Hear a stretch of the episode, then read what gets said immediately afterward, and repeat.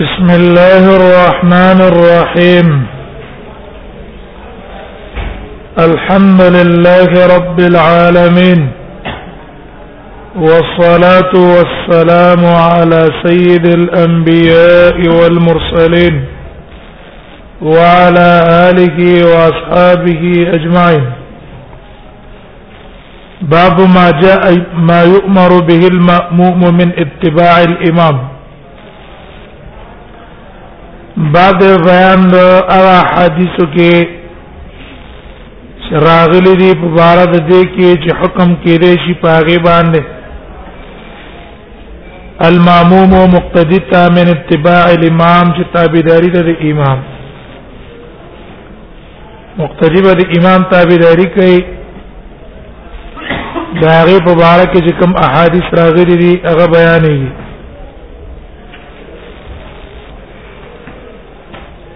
معاویه بن ابي سفيان رضی الله عنه روایت ده قال راوي قال رسول الله صلى الله عليه وسلم وي نبي صلى الله عليه وسلم فرمایلی دی لا تبادروني بركوع تاسو تادیم کوي زمانہ پر رکوع کې ولا بسجود او نه په سجده باندې چې زمانہ مخ کې رکوع تلار شي یا زمانہ زمانہ مخ کې تاسو رکوع تلار شي مهاجمانه مخکې مزه فإنه مهما مهما سبقكم به شان دار مهما سبقكم به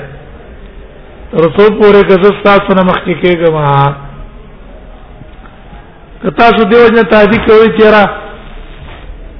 چې رسول الله صلی الله علیه وسلم سمون پر کو کې زکه زر شامل شو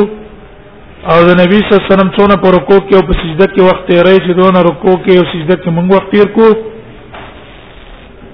نو دیو جن تاجی کوي نه مې کوي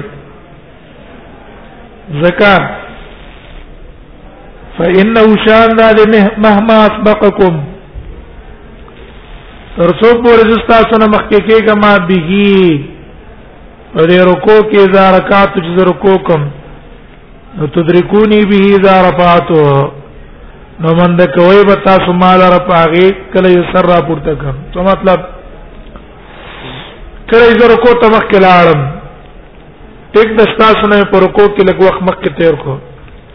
او زما در کو نه چې مخ کې را پاتې د مو تاسو زمانه رښتو را پر علي نو هغه ټیم بالکل مساوي شو کنه زه در مخ کې تله مخ کې د نه رالم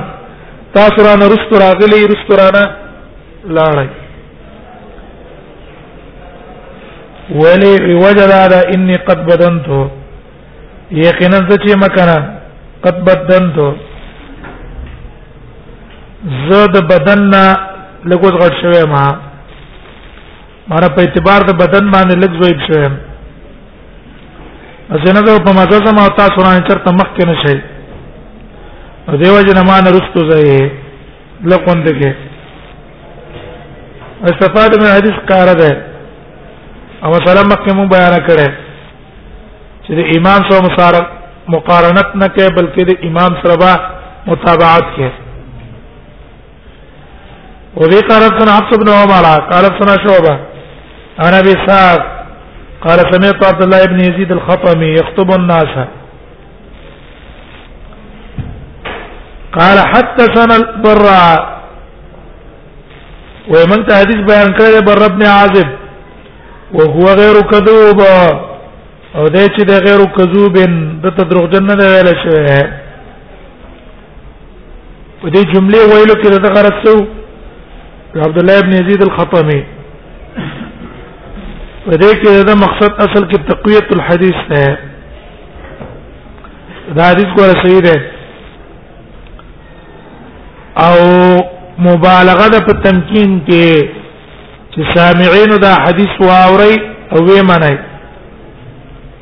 وی وی وی منای د مقصد ده او مقصد تزکیه نه ده چې ګینه صحابه تزکیه کوي ځکه صحابه عادلان دي تزکیه ته محتاج نه دي او دا غي پر روایت کې شک نه صحابي چې روایت کې هغه یقیني پاکي شک نه انهم كانوا اذا رفعوا راسهم وی ودی وکړه به چې راپورته کو سر خپل درو کو نه سره د نبی سلام نه قامو قیاما وبدر دل دی په در دل فاذا راو کړه وجدی نبی سلام ولیدل قد سجد سجده چې سجده وکړه سجدو ندی او به سجده وکړه نورست به سجده لته لري وبي قال سنا زهير بن حرب وهارون بن معروف المعنى قال سنا سفيان عن بار بن تغلب قال ابو داود قال زهير غرض مصنف په دې باندې سره قال زهير سره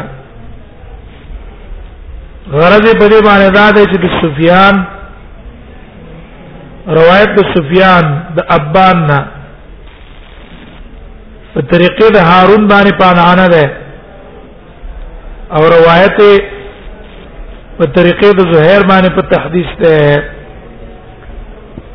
هارون چې روایت نقل کړی دی هارون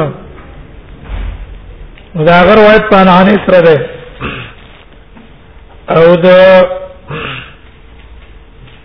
زهير ابن حرب هغه چې روایت نه نقل کړی دی هغه په تحديث باندې ده دیو جن قال زهير و زهير د سی ویری دی چې حدثنا الكوفيون ابان وغيره سفيان وی چې موږ تحديث بیان کړی دی ابان کوپیانو چې پاکي ابانم دی نورم دی ان الحکم عبد الرحمن بن ابي ليلى عن البراء قال كنا نصلي مع النبي صلى الله عليه وسلم ومن النبي صلى الله عليه وسلم تمنسكاو فلا يحن احد منا ظهرا نبرك قولا یو تن زمنګرا ظهر او شاخ پلا حتا ير النبي صلى الله عليه وسلم يضعه تر دې چې او به د نبی صلی الله علیه وسلم یبا چې هغه خپل سر کې قصتو جو به یو چې رسول الله صلی الله علیه وسلم په سجده کې تنده کې قصتلو راغې نه بعد با دیم لارا کګه کده پار د سجده تللو روستو په سي تیرې حتا یبا وبي قال سن ربيع ابن نافع قال كنا نصلي مع النبي صلى الله عليه وسلم عن ابي ساق المحارب بن الدثار قال سمعت عبد الله بن يزيد يقول على المنبر حدثني البراء انهم كانوا يصلون مع رسول الله صلى الله عليه وسلم فاذا ركع ركعوا واذا قال سمع الله لمن حمده لم نزل قياما حتى يرونه قد وضع جبهته تر دې چې وګورئ نبی سم چې تندې پزما کې قصلو او سجدي ته ورسېدو ثم يتبعونه صلى الله عليه وسلم به به دي ورستو په نبی سلام پسې لاړ باو ما جاء في التشديد في من يرفع قبل الامام بعد بیان د سخ وعید د هغه چا کې يرفع چې سر را پر تکي مخکې د امام نه او يضع یا شرط دی په سجده کې قبل او مخکې د امام نه د امام نه رکوع ته مخکې زی د رکوع نه مخکې سر را پورته کوي سجده له مخکې زی سجده نه مخکې سر را پورته کوي دا هغه د پاره صف وعید بیانای مختار ابن فلفل نه روایت ته هغه د انس نه روایت کوي رضی الله عنه نه ان النبي صلى الله عليه وسلم حضكم على الصلاه وې نبی صلی الله علیه وسلم موږ له تیزی را کړی د علی صلات په مانځه جمع سره مونږ کوي دا تیزی ما لرا کړې ونهاهم ينصرفوا قبل انصرافه او من کړی دی دیو د دې خبره نه ينصرفوا قبل انصرافه ها اولا يخشى احدكم ان زیاد نبی هريره قال قال رسول الله صلی الله علیه وسلم علیه وسلم فرمایلی دی اما یخشا ای نریږي او الا یخشا او د پار د شک ده دراوی چې نبی صلی الله علیه وسلم لپس د اما یخشا ویل دی او ک الا یخشا ویل الا یخشا احدکم ای نریږي او تنستاسو دینا اذا رفع راسه چې سر را پورته کړي ول امام ساجد او په داسې حال چې امام لا په سجده باندې پروت دی ان يحول الله راسه راس حمار چې وګرځي الله سر د سر د خر او صورته صورت حمار شکل دراوي یا د سی ویل چې شکل د دو ګرځي شکل د خراب والامام ساجد ظاهر کې هم معلومیږي دا چې په رکوع کې دا د سجده کې دا وعید ده لیکن دا وعید په رکوع کې هم نه په رکوع کې وجدادا چې رکوع سجده دواړه په حکم کې شریک دي که رکوع له سره مخ کې سر را پورته کوي یا رکوع ته مخ کې سر وړي نو هغه ته هم دا وعید شامل دی خو ها نبی صلی الله علیه وسلم تخصیص د سجده وکړو تخصیص د سجده وجه دا ده چې په دې سجده کې اهمیت ډېر دی په نسبت د رکوع وجه دا ده چې په سجده کې بندا ډېر نږدې الله ته په نسبت د رکوع نبی صلی الله علیه وسلم فرمای اقرب ما يكون العبد من ربه حين هو ساجد وې بندا الله ته ډیر نږدې په داسې ټیم کې چې دا کله په سجده باندې پروت دی په حالت د سجده کې دا بندا الله ته ډیر نږدې دی دیو جنا دا غي تخصیص یو کړلو اي حفل الله قراسه الله بده د سر یا شکل بدل کی دا تحویل یا بنا ده په حقیقت باندې الله په دم شکل مسخه کی ظاهری او تایید په لفظ د دې مضارع کوي ان يحولا اسنه چې الله دې مسخه نه کی ځکه چې غدا مستقبل استعمال کړه او په ظاهر باندې محمول له مراد ته نه سره مسخه ظاهری ده دا قران کې مدار اغله يهوديان او الله وای يا ايها الذين اوتوا الكتاب امنوا بما نزلنا مصدقا لما معكم من قبل ان نطمس وجوها فنردها على ادبارها التم تم ظاهری ده اگر کنور معنی مل تشتا وعام علما ظاهری معنا مغسته ده وې تمس مراد دلته دغه ظاهري معنا ده او دا ظاهري شکل کله بدليږي حدیث کې راځي زما په قوم کې وسبي يكون في قوم مسخ وخصف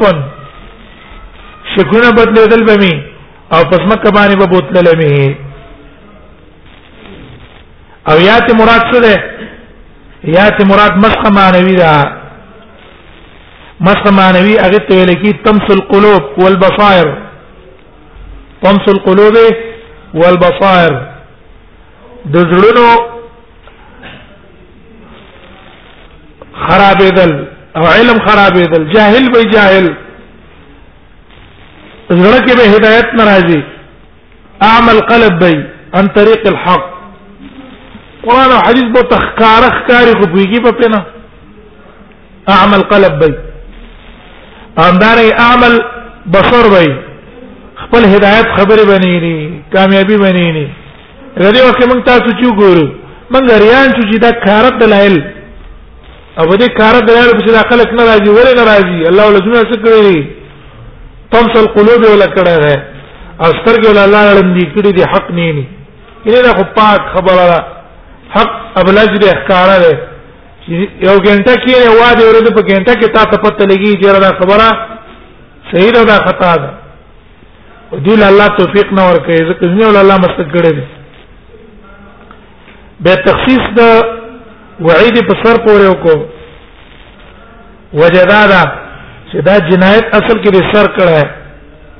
سجده کې سر مخ کې راپورته کړی دی یا مخ کې بوتل دی ما استفاد من الحديث کار دی هغه دا چې د سر نه دا امام نه مخ کې دل دا جایز نه دی چې امام نه سره مخ کې سر راپورته کې باب فی من ينصرف قبل الامام باب بیان هغه چا کې چې ګرځي مخ کې امام نه انصراف معنا څه ده معنی التکو دو معنی دي یو انصراف دا دی چې امام لا سلام نه دی ګرځولای ته دا غیر وخت سلام وګرځي او دویم انصراف معنا دا ده چې امام سلام وګرځاو او سلام ګرځیدو نه روستو تسند ور روانېږي کینی لانو امام لا روان شوی نه دی د زین او تمخ روانه وي دا ټول احتمال پکې دي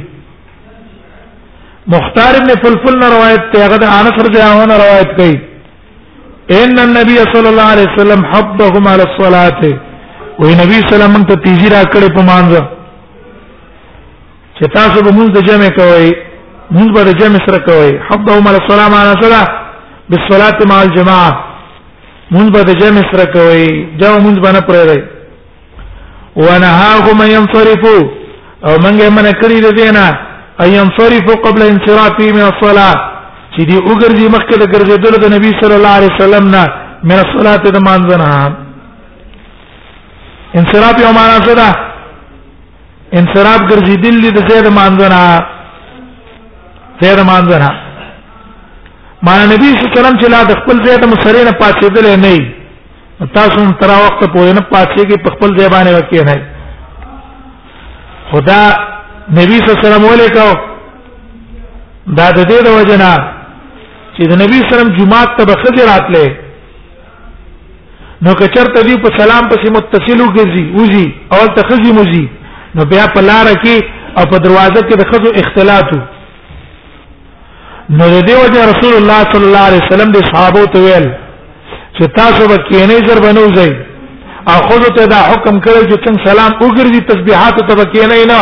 خپې به وباسي الله رضان ته تسبيحات کوي دا تر پار چې اختلاط هم د چا سره را نشي دا به رسول الله سم په دې اعتبار باندې دا حکم به د نبی سم په زمانه پورې سره هغه پورې به خاص ده یا په هغه دي پورې خاص ده چې کوم ځای جمعه ته زنانم راځي او په لار کې احتمال د اختلاط او په دې باندې دلالت روایت د بخاری کوي د ام سلمہ نه چې کان رسول الله صلی الله علیه وسلم اذا سلم قام النساء و نبی صلی الله علیه وسلم سلام وکړو خو دې په پاتې ده حين يقضي تسليمه کله چې نبی صلی الله علیه وسلم سلام پورا کو او يمكث في مقامه يسيرا او نبی صلی الله علیه وسلم په خپل ځای کې لګي سارو قبل ان يقوم مخکې پاتې ده قالت فنرا والله اعلم هغه زمونږ دا ګمان دی الله ته نور پته ده ان ذلك كان لكي ينصرف النساء وي نبی سم د دې لپاره کې ناستو چې زنانه لاړ شي قبل ان يدركهن احد من الرجال مخکې دې نه چې دا قضیه کوم سره پلار کې څنګه شي دیم احتمال دا ده چې دې انصراف نه مراد سلام دی سلام انا هاغم وانا هاغم من کړی دی ولر چې تاسو به سلام وګرځوي مکه سلام دی امام نه امام لا سلام نه ګرځول او ته دی امام د سلام نه مکه سلام ګرځي دا نه روا ده قبل انصراف من الصلاه مکه سلام ګرځولو د نبی صلی الله علیه وسلم د مانځنه دینه منع کړي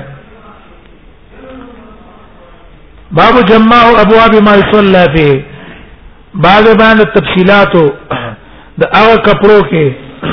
چې پای کې مونږ کې رېش اوس دې نرسو احکام د سطر بیان هي د ستر او بیا د سترې او د سترې نه رسته به کیفیت د صلات ته ورځي ځکه دا مخکنه خبرې لته ویل کی لباس زکه په مانځ کې عورت پټول پرز دي مانځ کې عورت پټول دا فرض دي نو دیو جن اوس احکام د لباس استعمالي ابواب جماع ما اصحاب ما صلى فيه او یا بعض نسخو کې ابواب ده دا به هر ځای نو روایت ته نبی صلی الله علیه وسلم سئل عن الصلاه في ثوب واحد د نبی صلی الله علیه وسلم ته پوښتنه کړې شو په بار د منځ کې په ثوب واحد په یو جامه کې دا په یو جامه کې منځ کوي اې دا الله نبی په یو جامه کې مون جایز دی کنه سئل سائل معلوم نه ده حافظ ابن حجر فتح الباری کې وایي لم اقف على اسم السائل وې دې سائل نو ما تنه معلوم چې دا څوک دی خو بیا وی لکن ذکر السرخسیو فی المبسوط وی سرخسی چې په مبسوط کې ذکر کړي ان سائل ثوبان دا سائل اصل کې ثوبان رضی الله عنه ده هغه ته پوس کړه چې اې الله نبی په یو جامه کې مونږ جایز ده کنه یو غټ چادر د ځان نه تاو کې فقال النبي صلى الله عليه وسلم نبی صلی الله علیه وسلم فرمایل اول کلکم ثوبان آیا اره او تن څخه نه دوه جامې شته معنا که چرته په دوه جامو کې مونږ ضروري شي نو بیا کې نه هر یو تن وشتره چې دوه جامې پیدا کی نه چې کله وخت هر چا د دوه جامو نشتا دا دلیل شو دی چې په یو جامه کې مونږ سره دا جائز ده دی حدیث دلیل ده على جواز الصلاه في الثوب الواحد یو جامه دې چولی اوګد صادر د ځان نتاو کو چې عورت دې پټ کې لاندې او ګیم دې پټ کې د کې مون جائز ده وهذا علماء په دې اتفاق ده چې په دوه جامو کې مونږ کول به تر ده دوه جامو کې چې لنګ دې جدای او پاس ردا دې جدای یا پرتوک دې جدای قمیص دې جدای په دوه جامو کې مونږ کول به تر ده او کوم روایتونو کې چې رسول الله صلی الله علیه وسلم په یو جامه کې مونږ کړه ده یا صحابه په یو جامه کې مونږ کړه ده الته غرض د رسول الله صلی الله علیه وسلم یا خو تعلیم او تعلیم څو تعلیم نو تعلیم د وجنا اگر که موږ په دوه جامو کې بهتر وو ولیکن د تعلیم د وجنا دلته په یو جامو کې موږ بهتر شو د تعلیم د غرض د وجنا چې خلکو ته دا ورخی چې په یو کپڑے کې مونږ جایز ده او یاد دی وجه رسول الله صلی الله علیه وسلم کړه چې نبی صلی الله علیه وسلم صدوی مجامه نه وا یا صحابه صدوی مجامه نه وا ځکه په یو جامه کې مونږ کړه کني دو جامو کې مونږ بهتر رہے څونه چې ستر په کې ډیری عمر په کې افضلیت ده وبي قال سنا مسدد قال سنا سفيان بن زناد الى عرج انا ابي هريره قال قال رسول الله صلى الله عليه وسلم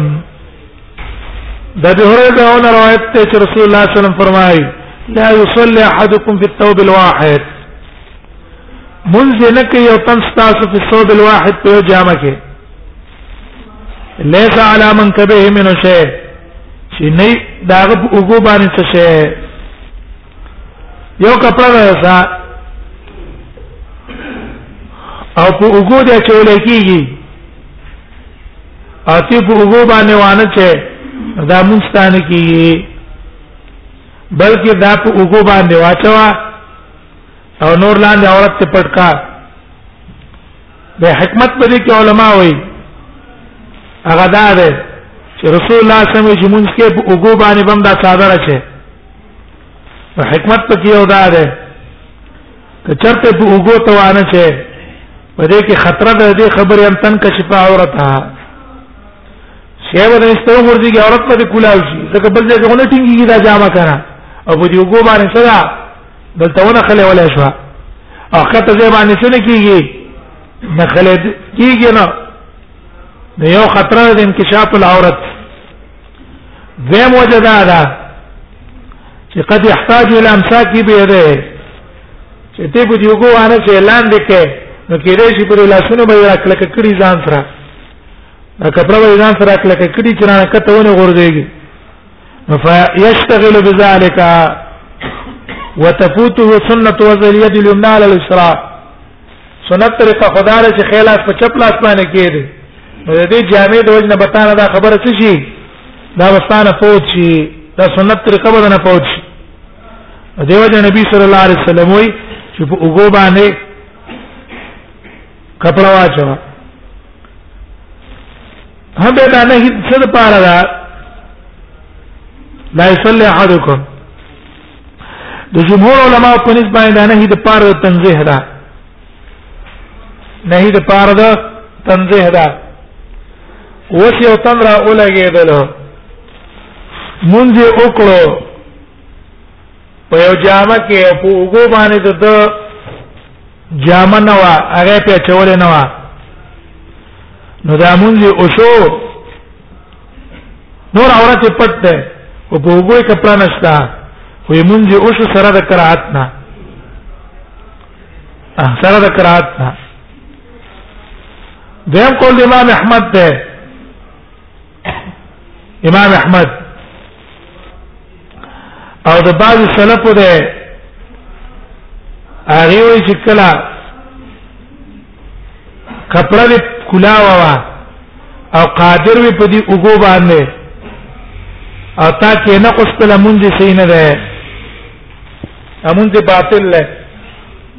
د وګو پټول پرز دي ولې ورته نه هیدا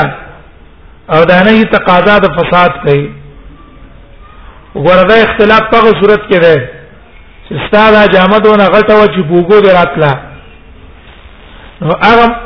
صورت اختلافي ده او که چرته پراخ نوا تنگ وا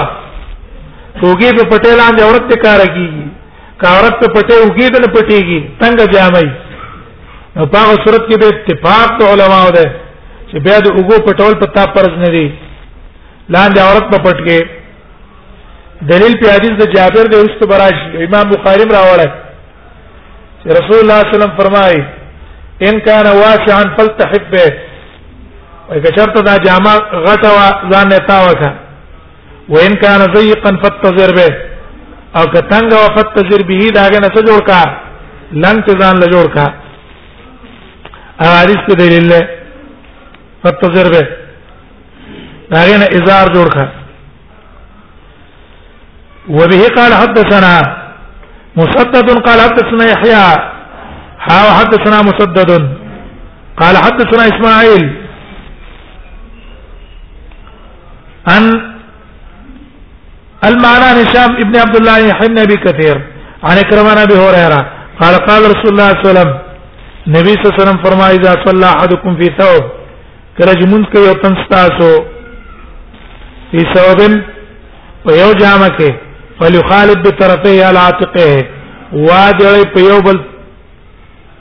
مخالفت دی کوي طرفونو په وګو باندې څه مطلب دا یو طرف تر واړی دا بل په پاس ور واړی دا وګو کې مضبوطه شي کنه کپڑا به مضبوطه شي له خالف بین طرفه معنا دا الا تقې په وګو باندې دینه معلوم شوږي او مانځ کې پټه عمر ابن ابي سلمہ قال رأيت رسول الله صلى الله عليه وسلم في ثوب واحد ما يدل نبی سم چې په یو جامه کې مونږ کړه و ملتحفا ځانه تاو کړه و مخالفا بین طرفه الا من کبه چې اړولیو دا طرفونه په وګو باندې د یو بل پاسه دا یو د سره وستو دا بلی په پاسه ور وستو وګو د پاسه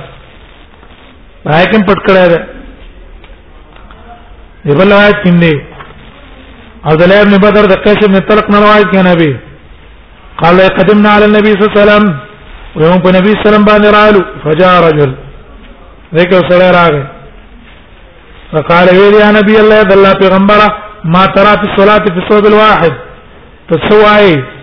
د صلات په بار د مانځ کې په ثوب الواحد په یو جامه کې یو سره په یو جامه کې مونږ کوي نری مونږ په بار کې د الله نبی ته سوې قال له فاطلق رسول الله صلی الله علیه وسلم اذا را را کلاو کو نبی صلی خپل لنګ طارق به ردا او د پاسه واچو د پاسه ني صادر نه غټ صادرو لنګي کلاو کو ځکه نور څادر لاندې رسیدل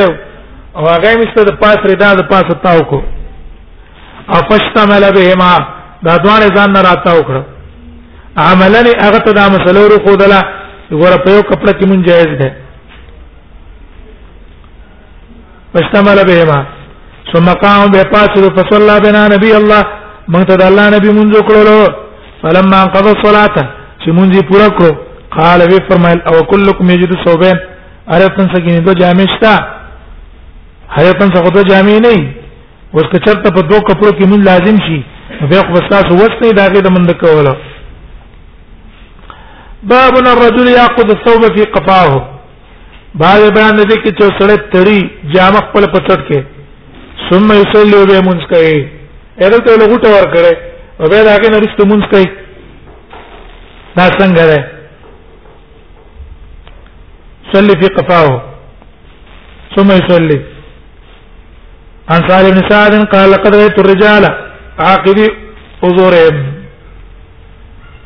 سالم بن سعد وی مال دې دې شړې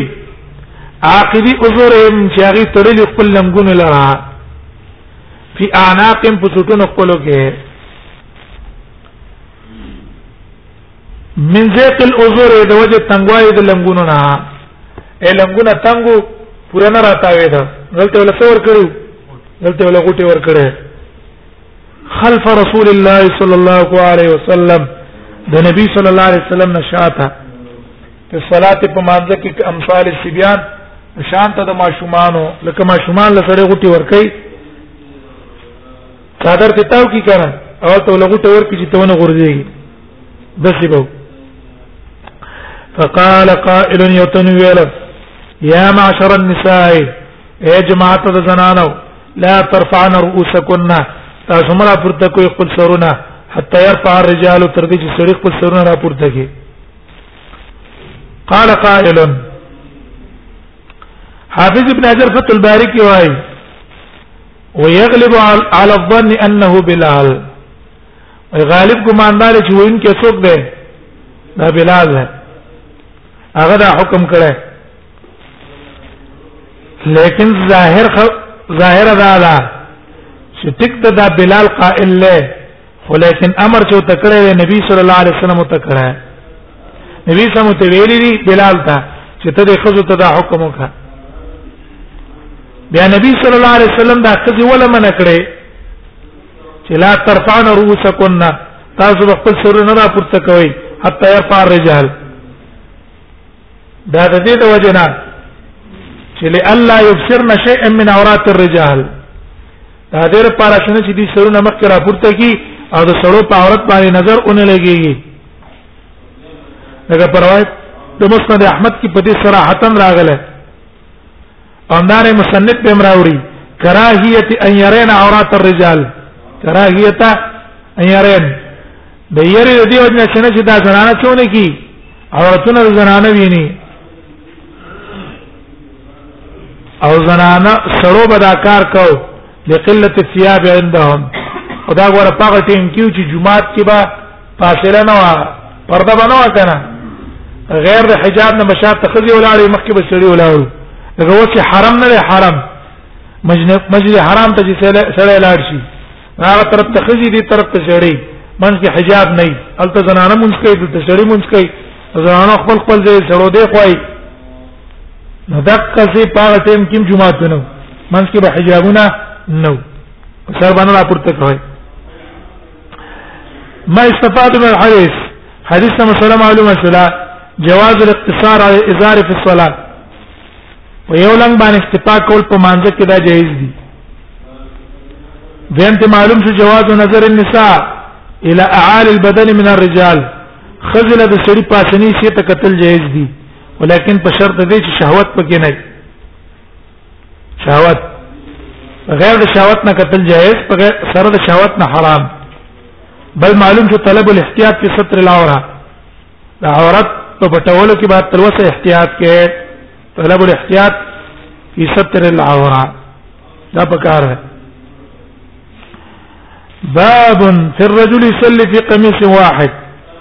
باب ده باندې دې کې چې سړی په یو قمیص کې مونږ کوي آیا در پاره په یو قمیص کې مونږ جائز ده کنه دا به وي چې او جائز ده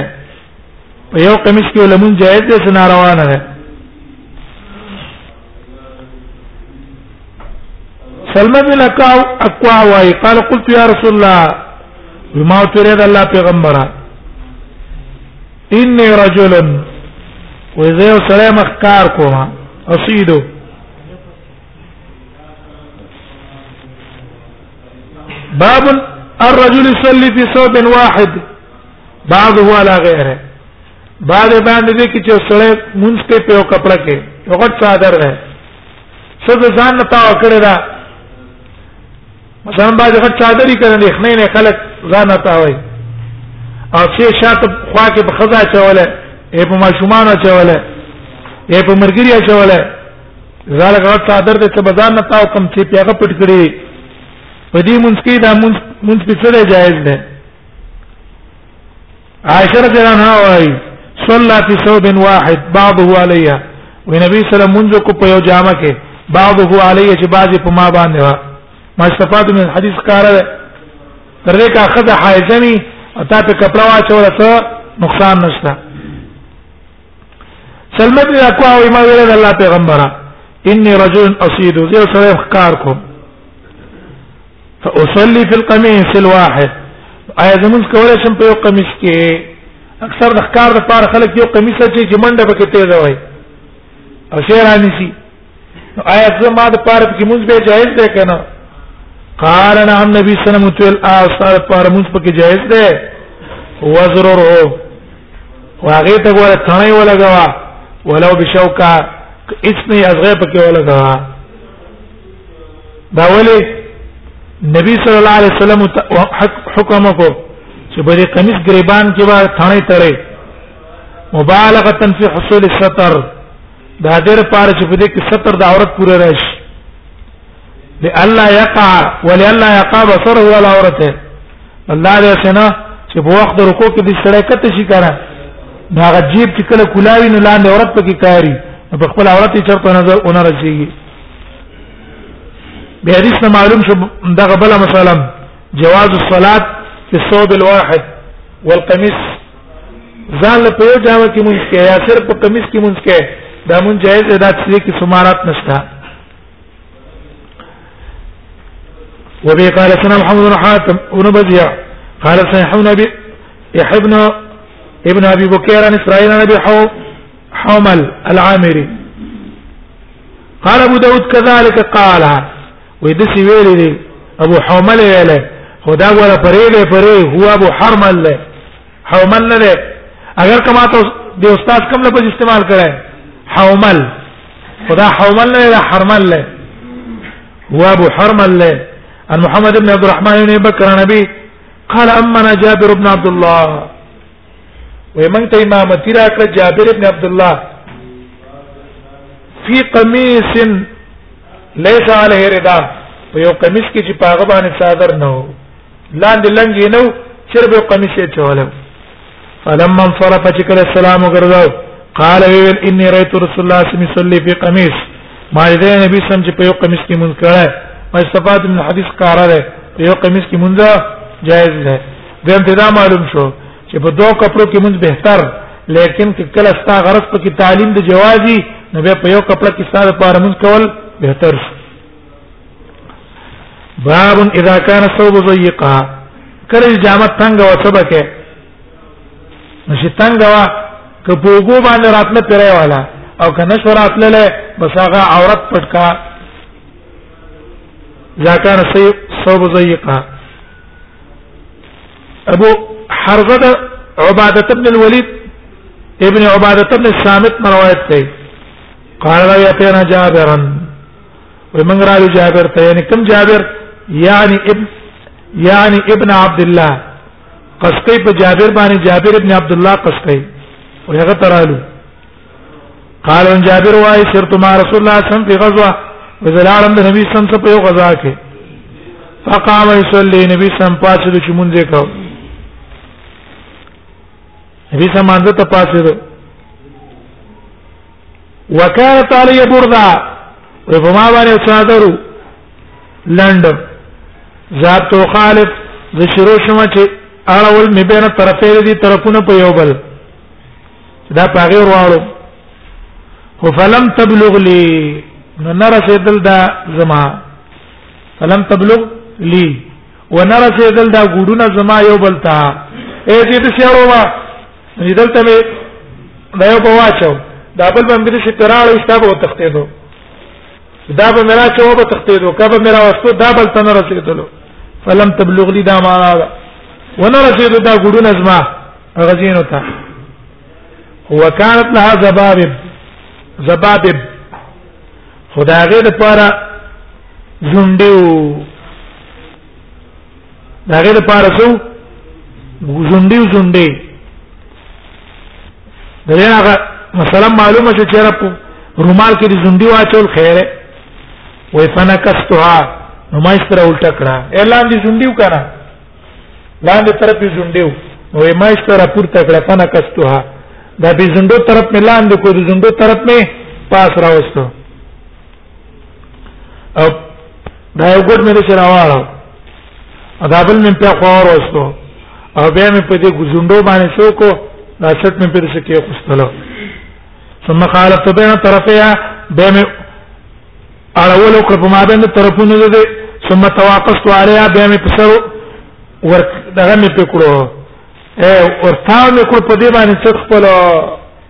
وقصه څه ته وایي چټ ماتول وقص ویل کی څه ته کنه چټ ماتول تواقص ویل چټ په ورمات کوم نه جو کوک مې کو راغم په دې څه کې غوستلو لا تسقط د دې پاره چې داونه غورځيږي ثم جئت بير عالم حتى قمت يسار رسول الله صلى الله عليه وسلم نبی سم چپ طرف ته ودرېدلم فاخذ بيدي نبی سم د لاس نه ونیولم فادارني نراتا وکرم حتا قامني يميني تر دې چې زه ودرولم خي طرف ته فجاء ابن صخر وي بده کې مې صخر راغې مې جبار ابن صخر ده حتا قام يساري دې چې نبی سم چپ ته پټو درته فاخذنا بيديه جميعا ونی ولو موږ دوه لرا بيديه په دوه لاسونو د نبی سلام جميعا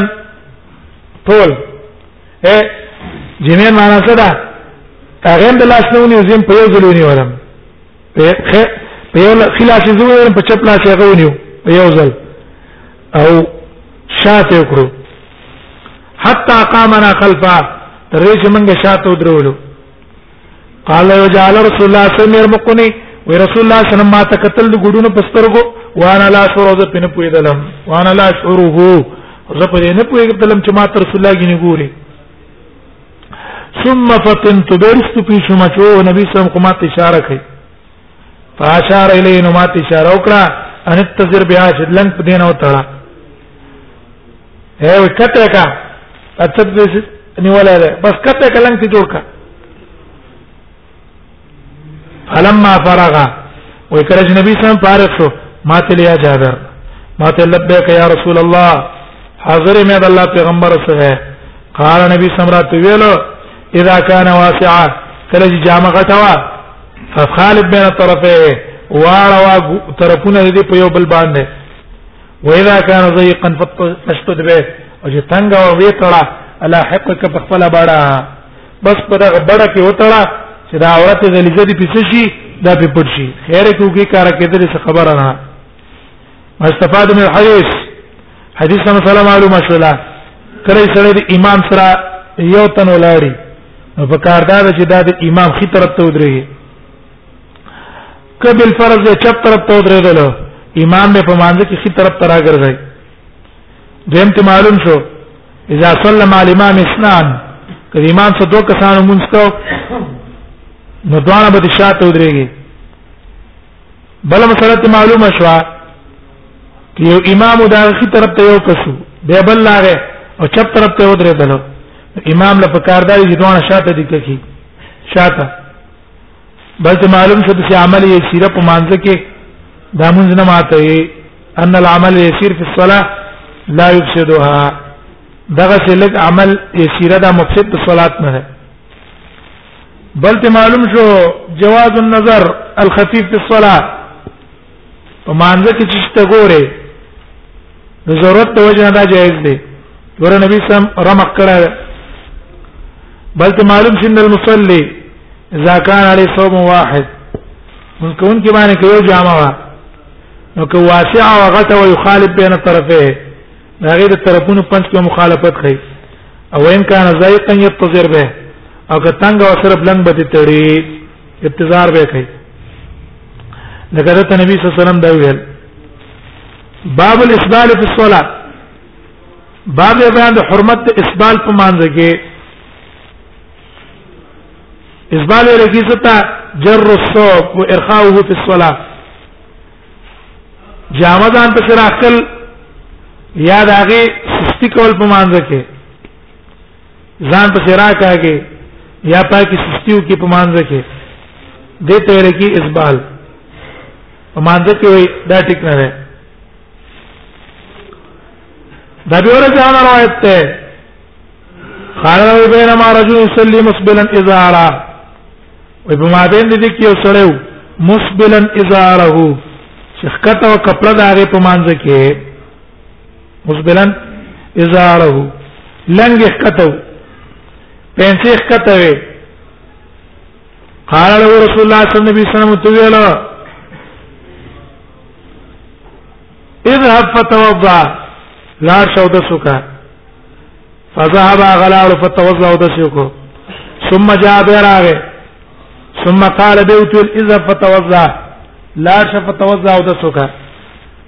فذهب غلال فتوضا به د سکو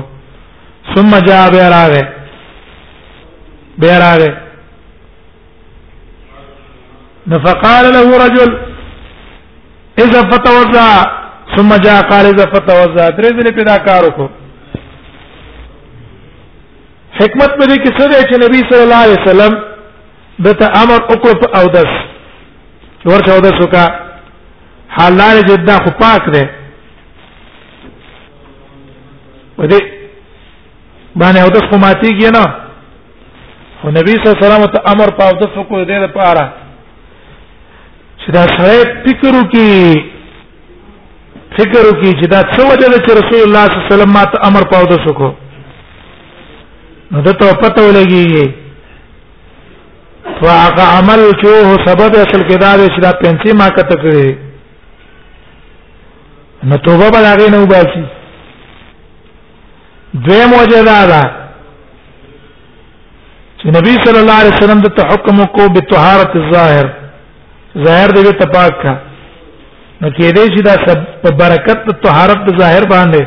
الله د باطن د پاک کی دا کبر تکبر به الله ختم کی ځکه طهارت ظاهر اثر کې په طهارت باطن کې کنه ظاهری طهارتونو ته لحاظ ساتي ستا باطن به الله پاک دی دغه رسول الله صلی الله علیه وسلم وتدبل ذل چې امر کړه دویم ذل نو پدې کې حکمت نه زجرن له لما فعله دا ته چې کوم عمل کو په دې باندې دل رټنه ورکولو دا پنځه دی ولې کته کړي او یاد دې د وجنه چې لم يفتن لغرضي في المره الاولى فاول ځل دې د نبی سم په غرض پینې شو بیا ته حکم کو چې ورشه ودا سوکا ډېر پارش د نبی سم په غرض باندې پوره پیش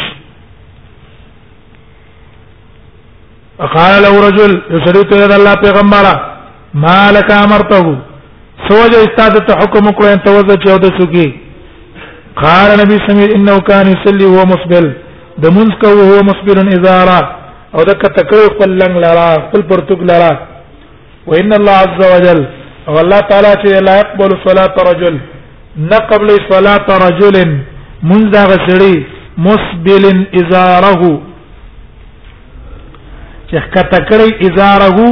خپل لنګ لرا پنځه کته لنګ کته دا سړی مون الله نه قبلای د ظاهر د حدیث معلومیږي عدم قبول صلات مصبر الازار چې دا چالن کته دا غمون نه کیږي به ته مونږ راګرځي او او دسنم کوي سبا کوي او دسنم به ته کوي او مونږ هم را ګرځي لیکن په دې ظاهر د حدیث باندې چا قول نه راکړه هغه که چا مونږ په صورت اسبال الازار کې وکوم دي او شو ادا شو او واو د سم په دې ماتي کې نه ولې وجه دا چې ول حدیث ضعیف ده حدیث ضعیف ده ځکه دا د دې په سند کې ابي جعفر ده ابي جعفر حدث يحيى عن ابي جعفر عن عطاء بن يسار او دا ابي جعفر مجهول له پته نه لګي او بل فرض کدا روي سیم شي بل فرض دا روي سیم شي لکه بعض کسانو ته حسن ویل کدا بل فرض سیم شي دا حدیث به منسوخ ده منسوخ وجدادا چې د تمام علما اجماع ده په دې چا منځ کو پالت اسبال کې نه او دس ماتيږي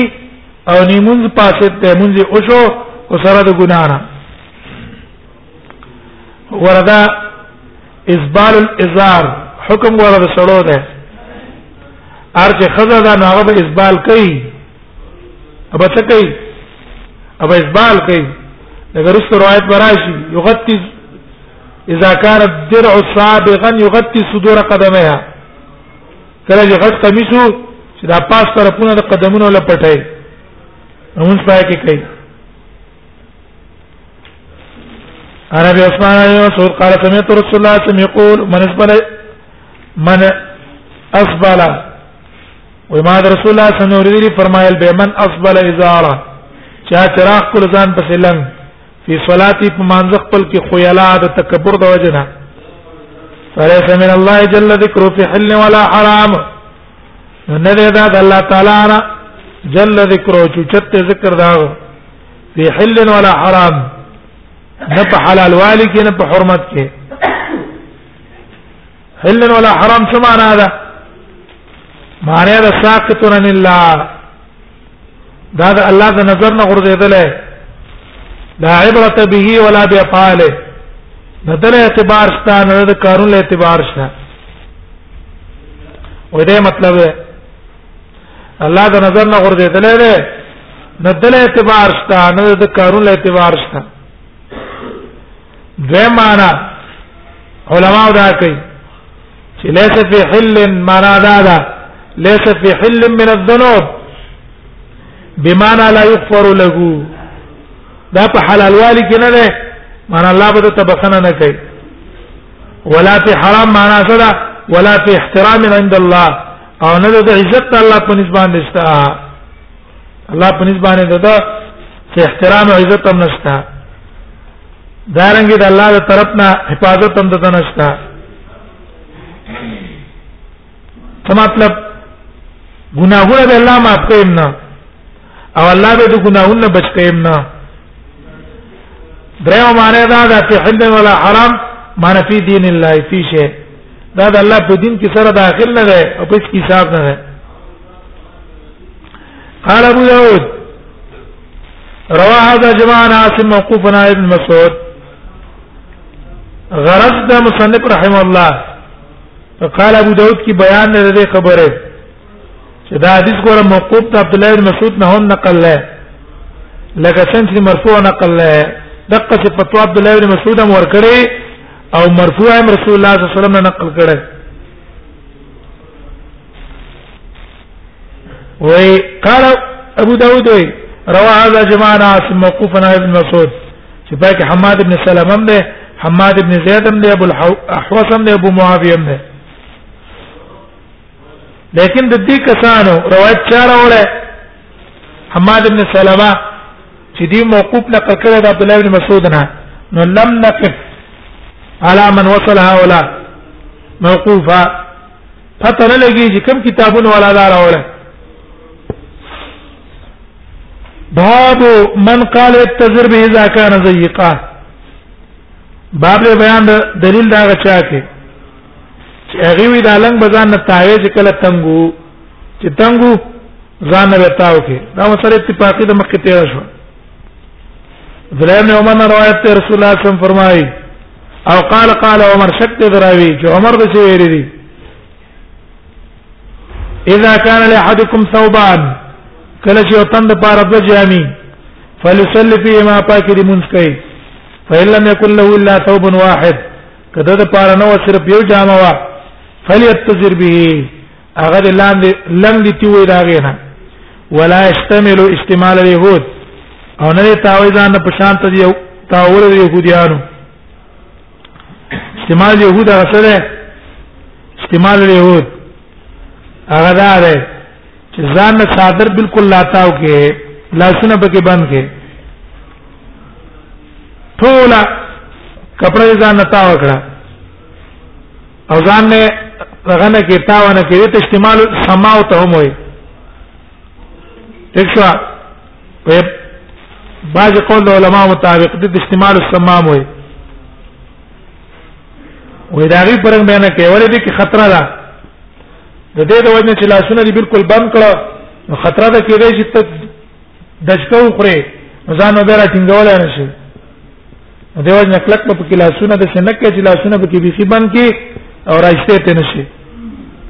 استعمال يهود باندې کې استفاد من حدیث حدیث ته مسله معلوم شولو افضلیت الصلاه فی الصوبین دک د کپڑوں کې موږ کول بهتر ہے بلکې معلوم سن المصلي يتجر به اذا كان ضيقا کله چې لن تنګو نو منسون کې به ځان نه راتاوي بیزار پشان بل ته معلوم شنه کې ان تشبه بافعال الكفار کافرانو د کارون سره ځان مشابه کینا هغه نه من راغله وبه قال حدثنا محمد بن يحيى الزهري ودي هجار پر استعمال نه کوي کنه ظاهر افعالنا من من شو دای سره مشابهت نه کوي ام سلمې نه روایت ده ان ابي قال رسول الله صلی الله علیه وسلم عبد الله بن بريده د خپل پلان روایت کوي چې بريده ده بن رسول الله صلی الله علیه وسلم دینه منع کړي ان صلى في لحاف مونږ یو کړی چې په لحاف په صادر کې لا يتوشح به چې سړی ځان نه تاوي دا توشح معنا څه ده وشاح نه ماخوذ دلته معنا تاول نه تاول ځان نه والاخر او بل نبی سم دې نه منع کړی دا ان يصلي في سراويل چې مونږ یو کړی چې پرتوک کې ولې صالح رضا او باغ باندې رضا نه وجدار چې تنگ دغه د چولې د پرتګ او ته پای کې مونږ کینو پکې اورت کار کی کار یو اورت پکې تحدید ته اورت کار کیږي کمی چې دیني اچولې قناټو پته لګي کنه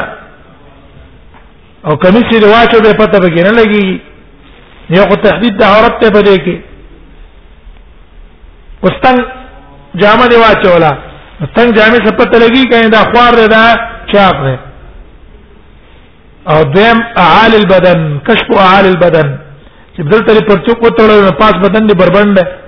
دیو نه په کمیس کې مونږ مکوا ځان نه صادر هم تاو کا خدا په هغه ټیم کې چې ګوره بل زیتی کپڑا د سره بابن فی کم تصلی المرأه باب باندې دې کې چې زنانا په بچو کپڑو کې مونږ کوي نو دو کپڑو کې مونږ پاره لازم ده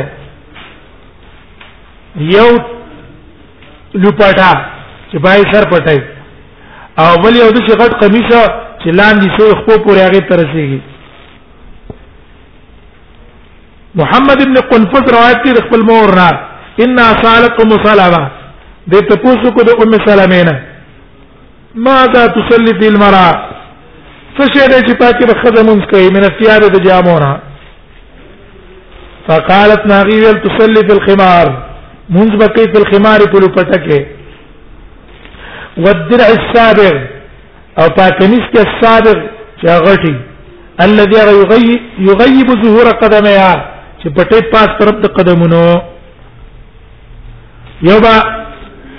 قمیص دغه دا لپټه وای بل بغت قمیص ظاهر دا لسته معلوم شو چې یجب علی المرأة ستر جميع بدنها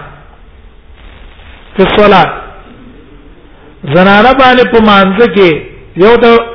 زنانه عورت ته خارج الصلاة یو د داخل الصلاة نو په مانځ کې عورت ته ده چې ټول بدن په پټه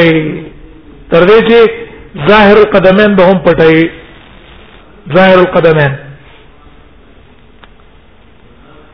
او په دې ظاهر د حدیث باندې شوافی او قول کړي حنابلہ او قول کړي شوافی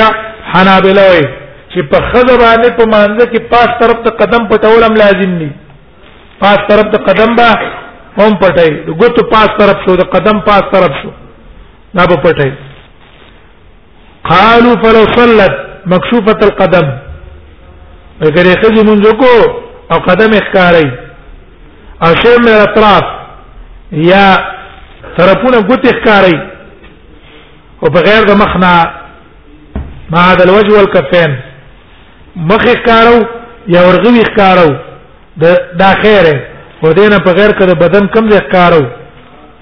سبقي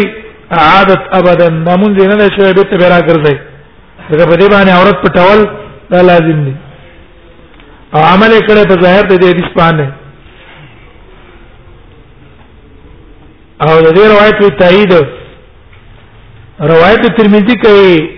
اگر کله روایت کې کلام شتا روایت ترمذی تایید کوي او امام ترمذی حدیث ته حسن ویل رسول الله صلی الله علیه وسلم فرمای المرأه عوره وخذ السجره ټول عورت ته ټول عورت دیم قول امام بني فره او امام محمد ده احنا پکې اغي وای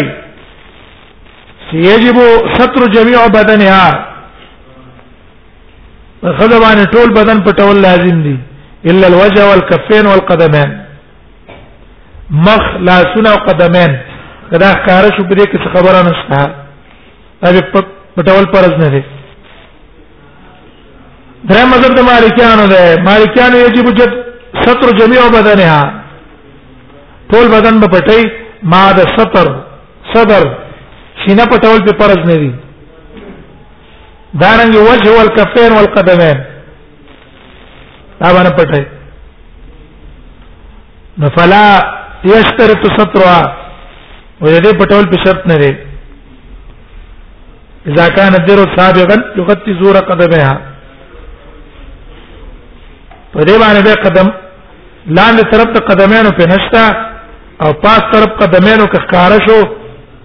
پاس طرف د قدمینو نو صحیح دا چې په دې سمون څنګه کیږي پاس دیږي په نه مونږ سره کیږي وبي قال حدثنا مجاهد ابن موسى ما استفاد من حديث قال له انا مثلا ما ان اثارت النبي صلى الله عليه وسلم اتصل المرأة في الدين وخمار اخذ مس کوله شي په کمیس کې په خپار نه پول پټکه ليس عليه زار چې پای باندې لنګ نه قال اذا كان در سابقا کله چې لنګ غټو غتی زور قدمها او پاس طرف د قدمونو له پټول خیره قال ابو داود رواه الذي اسماء بن انس وبكر بن مبارك حفص بن غياث غرض مصنف په قال ابو داود کې څه ده غرض مصنف په قال ابو داود کې غدا ده ان الحديث روي موقوفا کما روی مرفوعا دا حدیث موقوف هم نقل شوی لکه څنګه چې مرفوع نقل شوی او اکثر رواتو اکثر رواتو رواه موقوفا على ام سلمہ د ام سلمہ فتوا نقل کړي او رسول الله صلی الله علیه وسلم ته مرفوع کړي نه ده صرف عبد الرحمن ابن عبد الله هغه مرفوع کړي او حافظ ابن حجر تلخیص الحبیر کې وای وقفه هو الثواب وقف صحیح ده لیکن دلته دا موقوف چې کوم ده دا موقوف دلته په منزله د مرفوع ده نام په منزله ده سره دا موقوف هم دلته په منزله د مرفوع ده چې وجه دا ده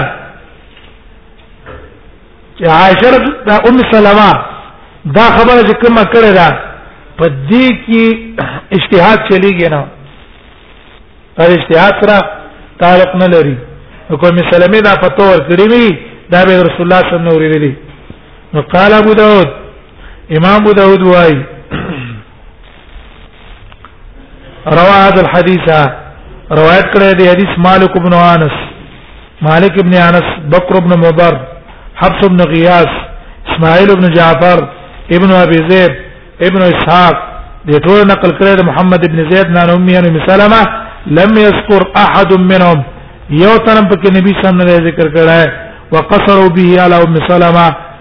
او د په مثال مې څه کړی دی د په هغه باندې موقوف کړی دی دا قول د ام سلمې امر پوکړی نه دی رسول الله صلی الله علیه وسلم ته باب المرأه تصلي بغیر خمار باب باندې دې کې چې زنانه مونږ کوي بغیر د لپټې نه نو هي بغیر د لپټې نه دې مونږ کول جایز دی کنه اوس دا مسله ذکر کړي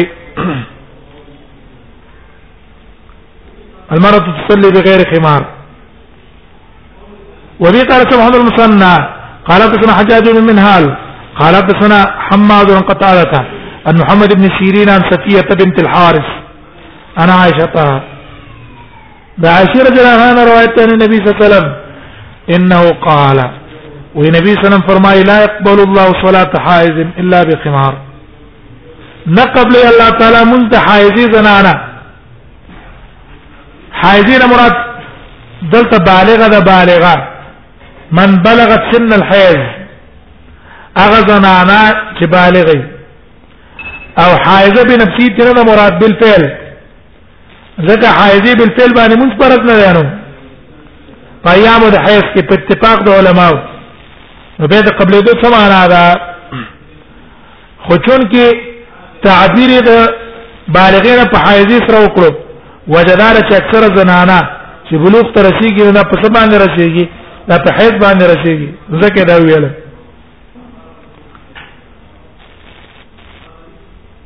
وې نبی صلی الله علیه وسلم فرمایي لا تقبل لا يقبل الله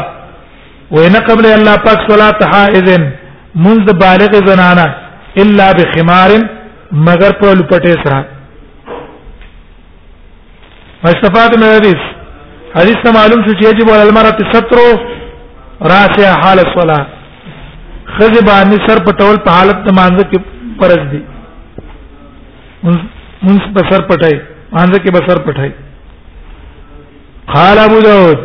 رواه سعيد يعني ابن ابي عروبه عن قتاده بن حسن النبي صلى الله عليه وسلم غرض مصنف په دې کې څه ده غرض مصنف په دې جمله کې قال ابو داود یې اغا بیان لري خبره چې په قتاده ابن دعامه شاګردانو په دې حدیث کې اختلاف کړی دی حماد ابن سلمہ چې دا روایت نقل کړي متصل بذکر عائشه حماد ابن سلمہ دا روایت نقل کړي متصل بذکر عائشه او دویم شاګرد دی هغه سعید ابن ابي عروبه سعید ابن ابي عروبه دا روایت نقل کړي د حسن بصری نه او مرسل پسقات عائشه پس روایت کې عائشه شته دي کې عائشه نشته او دا روایت سعید ابن عروبه امام حاکم په مستدرک کې راوړی او امام بیهقي په سنن کبرا کې راوړی نو قال ابو داود امام ابو داود وايي رواه سعيد بن سعيد يعني ابن ابي عروبه وروايه ذكر سعيد سوق قصي سعيد باندې قصقي په سعيد باندې ابن ابي عروبه سعيد ته مراد سعيد ابن ابي عروبه دی هغه دا روایت نقل کړه ان قتاده عن الحسن النبي صلى الله عليه وسلم هغه قتاده نه هغه نبی صلی الله علیه وسلم نه وبي قال سنا محمد بن عبيد قال حدثنا حماد قال ويدي حديث بيان كده حدثنا حماد بن زيد عن ايوب عن محمد ان عائشه نزلت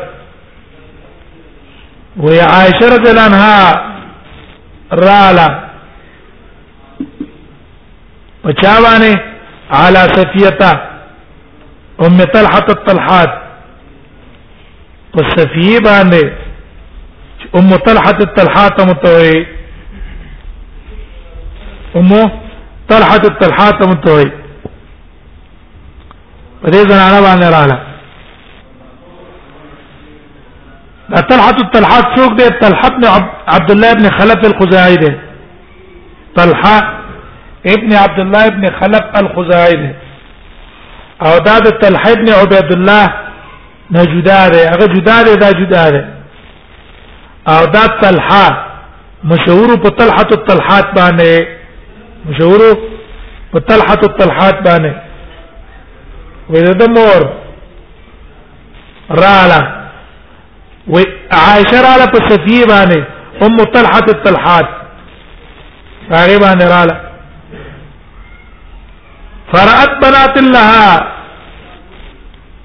نو ویل دل دی عائشه بنات لها لوريان دي ام طلحه الطلحات فقالت ندیوت ویلو کله چې دا پته شتیم کې دي چې دا بالغ وي او سرونه کولاو نو عائشه رضی الله عنها ته دا حدیث بیان کو د پاره د مسلې خودلو ګوره دله بربند اوس پس دنه سرتور سر دې ګرځیدل پکار فقالت ندی وتویل ان رسول الله صلی الله علیه وسلم دخل و نبی صلی الله علیه وسلم په ما باندې راغی وفي حجره جاريه او زما په کور کې شاریتنی وجنه وا فالقى الي حقوا نو نبی صلی الله علیه وسلم ما ته خپل غلنګ راکو حقوا نه مراد دلته سره ازار حقوا اصل کې بڑے ته وي موج او شد الازار به عرب را لګې دي په دې کې توسعه کړي چونکه دا لنګ په دې بڑے تړل کېږي نو دیو جن تعبیر دا غنه په سبانه کړه دا غنه تعبیر بس په حقوق کړه ورې ما ترا کړو القا الیه حقوا ویرا ترا کړو قال لي وما تي ویل شقه بشقتين دا وش کو دو ټوټه کا فاتی هذه نصفا ورکا هذه دي جنې تنم چې را تاسو رقمه ده والفتاه التي عند مسلمه او هغه جنې چې د مسلمه سره را غیله ورکا فإني لا أراها إلا قد حاضت زما ګمان نه دی مګر دا حیث تر رسیدلې او لا أراه ما يدسي ویلې دي زما د دوه باندې ګمان نه دی مګر بالغي واستفاد من الحديث حدیث ته معلوم څه جنې بلوغ ته جوړ شيږي هغه باندې به ټول بدن پټول پرز دي او مانځ کې او بغیر مانځ کې مګر هغه چې شریعت ته مستثنا کړی دی چې مخ دی او کپین دی دا یې پټول پینشته قال ابو داود وكذلك رواه الشام ابن سيرين ودقت هشام روایت نقل کړی ابن سیرین نه لیکن دا تعلیق چارا وړه پته نه لګیږي من اخرج هذا التعليق کتابونو د حدیث کې پته نه لګیږي بس په کوم